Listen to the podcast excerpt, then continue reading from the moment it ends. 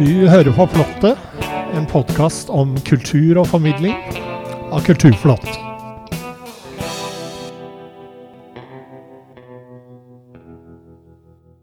Denne julen har vi besøk av hele 29 artister. De gir oss innblikk i det de liker aller best musikk, formidling og kreativitet. I Flottet har vi også en full adventskalender denne gangen. Hver dag får vi en tekst om mytene ved julen, skrevet og fremført av forfatter, dramatiker og mytolog Terje Nordby. Så her er det mye å glede seg til, folkens. Mitt navn er Bård Andersson. Nobody knows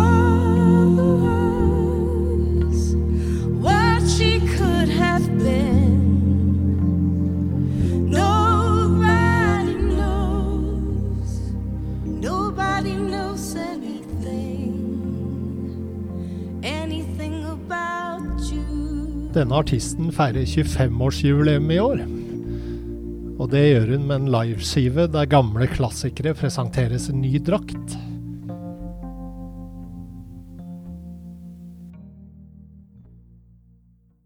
Dagens eh, artist som eh, er på besøk i eh, Plottet, feirer faktisk 25-årsjubileum som artist i år. Hun er aktuell med livealbumet Unni synger Wilhelmsen. Så velkommen, Unni Wilhelmsen. Takk skal du ha. Fortell litt om eh, hvordan dette albumet ble til. Jo, eh, i fjor, selv om det var eh, covid, så mm, eh, fikk jeg meg en ny trio. Eh, og vi eh, fant ut at siden jeg spiller så mye solo, og disse gutta er såpass flinke, så eh, var det jo liksom kult også å kunne gå tilbake i katalogen og finne noen ting som jeg eh, ikke har spilt på mange år, fordi det er ikke Det gjør seg ikke så lett solo. Uh, og da hadde jeg mulighet til å finne helt nye arrangementer også på, i den gamle skattkista. Jeg har gitt ut ca. 100 låter på offentlig, så jeg tenkte det er veldig mange fine låter der som eh, folk har glemt, eller som de aldri har hørt. Så da hadde vi et lite demokratisk møte hvor til og med lydteknikeren fikk lov til å velge seg en favorittlåt, og så lagde vi noen settlister ut fra det. Og så gikk det der såpass Det ble så fint eh, at vi tok opp en ukes tid, og en av de konsertene ble spesielt fin, og da, da fikk jeg ikke lov til å la være å gi ut uh, livealbum av det. Da bestemte lydteknikeren at det måtte jeg, rett og slett. Og det var jo hyggelig, det å få et ekstra push på det når det var jubileum og allting. Det var konsert i Ibsenhuset? Det var i Ibsenhuset i Skien i oktober i fjor, så det, det var um, Passa egentlig veldig bra, det, altså. Men sånn eh, generelt, eh, når du lager låter, hvor viktig er tekst for deg sånn i forhold til å formidle et budskap eller en stemning eller en historie? Jeg har vel alltid sagt det sånn at når det gjelder andre folk sine låter, så eh, jeg kan greie å høre på en låt som, som har en kjempefin melodi, men som har en litt uinteressant tekst. Jeg er ikke like glad i å høre på fine tekster som har kjedelige melodier, eh, så sånn sett så syns jeg jo det starter med musikken. Men det perfekte for meg, både når jeg lager ting sjøl og hører på andre folks musikk, det er når jeg får den følelsen av at det er som hånd i hanske. At låta og musikken har fått akkurat den teksten den burde, og omvendt. Og jeg prøver jo å lage sånne tekster sjøl. Jeg, jeg har liksom en følelse når jeg lager musikk at eh, jeg kan nesten høre hva, hva dette skal handle om på musikken. Og da er det om, om å gjøre å få fram de riktige stavelsene, sånn at det skal synges. mm, Det blir ålreit å synge det, sånn at melodien kler teksten og omvendt, og at at teksten skal, opp, den skal i hvert fall oppfylle en del krav, den også. For jeg er ganske kresen når det gjelder musikk, men, men teksten skal eh, Jeg holder på til jeg er helt fornøyd, liksom. Til det forteller meg noe også. Når du lager låter, hvordan jobber du vanligvis eh, kreativt? Det har, Som vanligst så har det vært sånn at instrumentet jeg holder i, eh, enten det er en lånt gitar eller en egen, eller jeg er på besøk hos noen og, og spiller på et annerledes piano, så, så opplever jeg at instrumentene vil forskjellige ting fra, jeg, fra mine egne instrumenter. Jeg er jo veldig sånn intuitiv og, og, og bruker ikke noter og besifring så mye, jeg bare kjenner meg fram. Og da får man jo mye sånn Det blir mye leke og moro med et instrument. Um, og, og, hvis jeg har laga en musikalsk idé hjemme, og så låner jeg plutselig en, en annens gitar, så merker jeg at å ja, den uh, gitaren vil spille den låta dobbelt så fort, så det var ikke en ballade, nei. Altså jeg lar meg liksom veldig lede av det som skjer musikalsk, og da eh, da er det alltid, nesten alltid musikken som kommer først. Men så har jo jeg skuffer og skap og telefoner og Mac-er fulle av eh, skriblerier som jeg Jeg lar aldri en idé gå fra meg, verken musikalsk eller, eller skriftlig. Så jeg har Jeg går liksom gjennom materialet, og så kan jeg da se på skrivinga mi hva det er som kan passe inn fraseringsmessig og, og tematikkmessig til det musikalske greiene jeg nettopp sitter og pusler med. Og så pusler jeg det gjerne sammen. Så det er ikke sånn at liksom melodien kommer fiks ferdig. Det, er, det musikalske kommer, og så kommer tekstgreiene, og så jobbes liksom, meisles litt om melodien ut i enten i stein eller som en bro over ei elv. Så det, de skal jo kle hverandre, da. Og så syns jeg liksom ikke at eh, jeg, jeg, kan ikke slippe det før melodien er så sterk at den kan synges på egen hånd. Uten musikken. Uh, men det er ikke alltid det blir sånn, for noen ganger er det et godt samspill mellom akkordene og, og det som synges. Men, men tekstmessig så, så skal det oppfylle sånne krav som f.eks. gjør at jeg husker hva dette handler om, selv om ingen egentlig kan nødvendigvis skjønne hele tegninga med en gang. Altså Det er veldig mye mellom linjene, så de tekstene de duger for at de skal holde til at andre folk skaper seg en historie, og som kan bruke det som soundtracks på deres opplevelser, men at egentlig så betyr de tekstene noe helt spesielt for meg, og det er det bare jeg som veit. Hvis ikke jeg deler det med folk, da. Hva er planene fremover nå, sånn for resten av året og inn i det nye? Nå har jeg vel snart runda 90 konserter hittil i år. Jeg spiller jo veldig mye, så med all den reisinga som jeg holder på med, så, så er det Hver gang jeg kommer hjem, så må jeg på en måte vaske hodebunnen og noen klær og sy en knapp og betale noen regninger og sånt. Eh, så det er liksom de siste årene har jeg brukt veldig mye tid på å spille med forskjellige konsepter og mine egne ting. Så nå seiler vi liksom året inn med litt mer med Steinar Raknes, som jeg leker mye med. Og så har jeg triokonsert eh, nå denne uka med den, den trioen min. Og da det der Unni Synger Wilhelmsen-konseptet, det kommer vi til å fortsette med på ubestemt tid. Men så er det julekonserter med de der før jul, og så neste høst så skal jeg leke med Tom Hell på scenen. Da skal vi på turné sammen. Ja, det nærmer seg raskt uh, jul. Hva, hva, betyr julen for deg?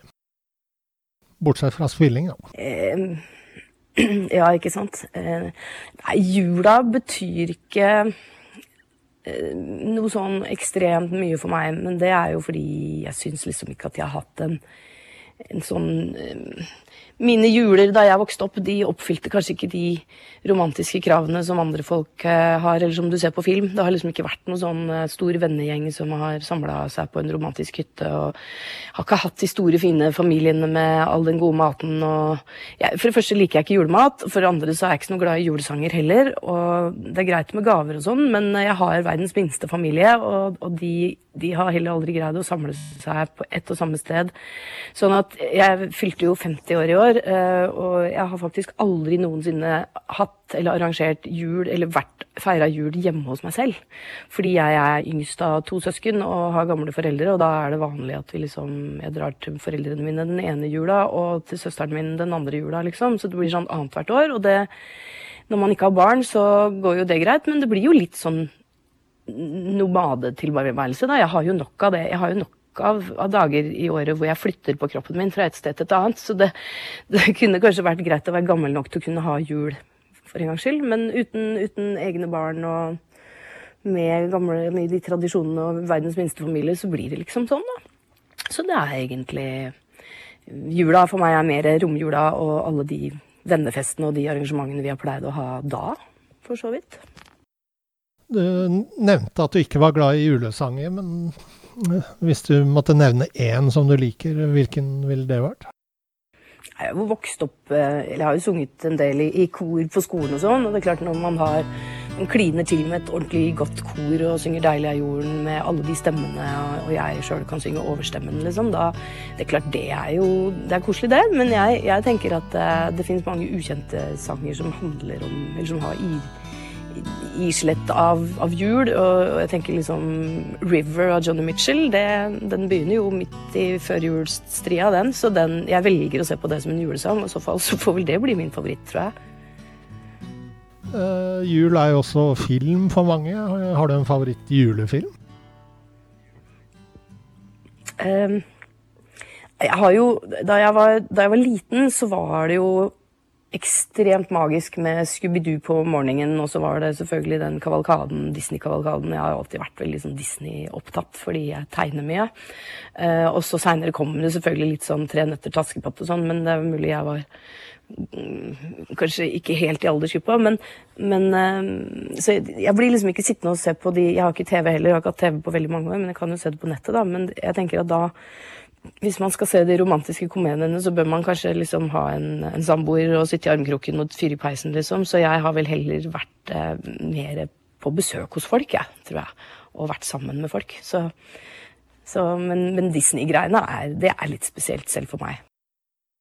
Da spiller vi eh, fra Une Wilhelmsens eh, livealbum Unni synger Wilhelmsen, eh, 'Anything But June'.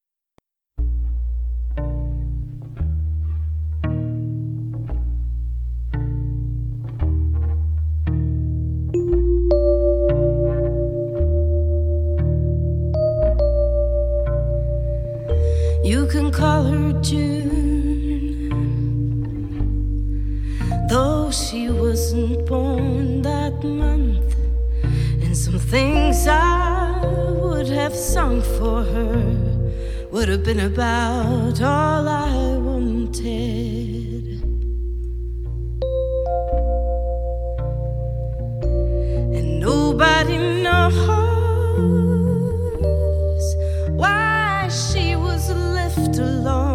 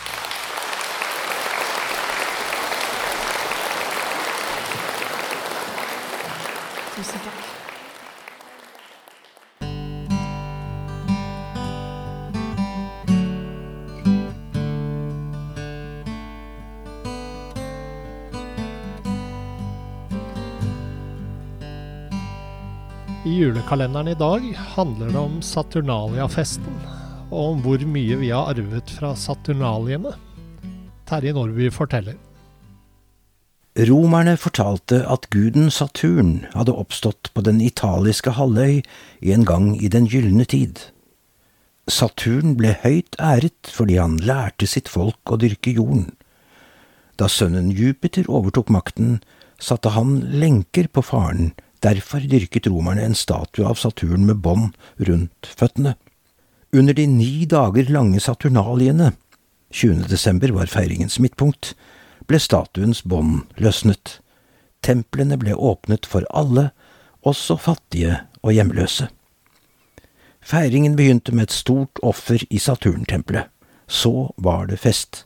Butikkene stengte og folk tok på seg festklær, drev gjennom gatene med fakler og ropte O Saturnalia, eller på norsk Endelig er det jul. Levende fortsatte dag og natt. En forfatter skrev at han hadde fått bygd seg et isolert værelse for å ha et sted å trekke seg tilbake til under de voldsomme Saturnalia-dagene.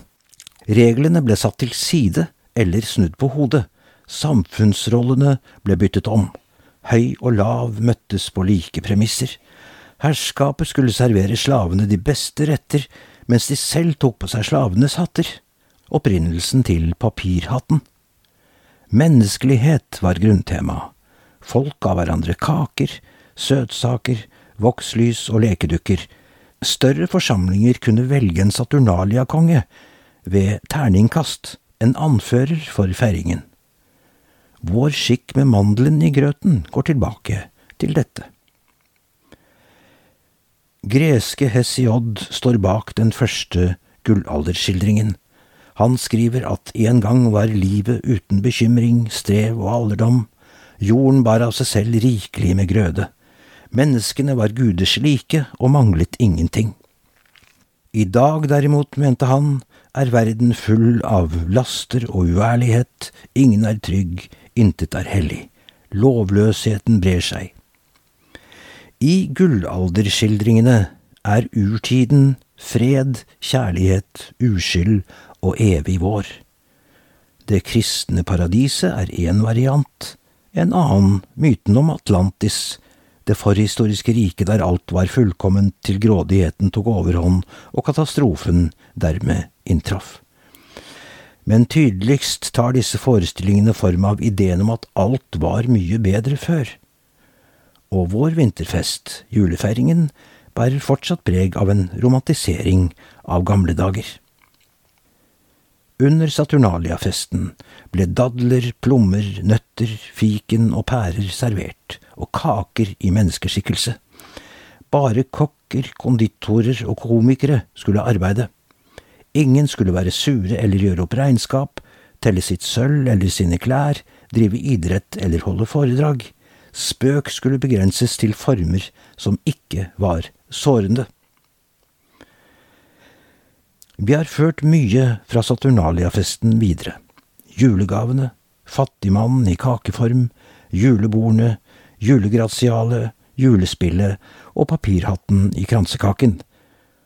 Og aller viktigst minnet om at livsgleden en gang rådde, og at den fremdeles fins gjemt et sted inne i dypet av vintermørket. Men romerne visste at en gledesfest uten at alle er med, ikke er noen ordentlig gledesfest. Så mye vi har arvet fra Saturnaliene, kunne vi gjerne tilføye akkurat det. Les daglige kulturnyheter på kulturplott.no, og få med deg dokumentarer, eksistensielt stoff og kultur i papirmagasinet Kulturplott. Plottet var ved programleder og teknisk ansvarlig Bård Andersson.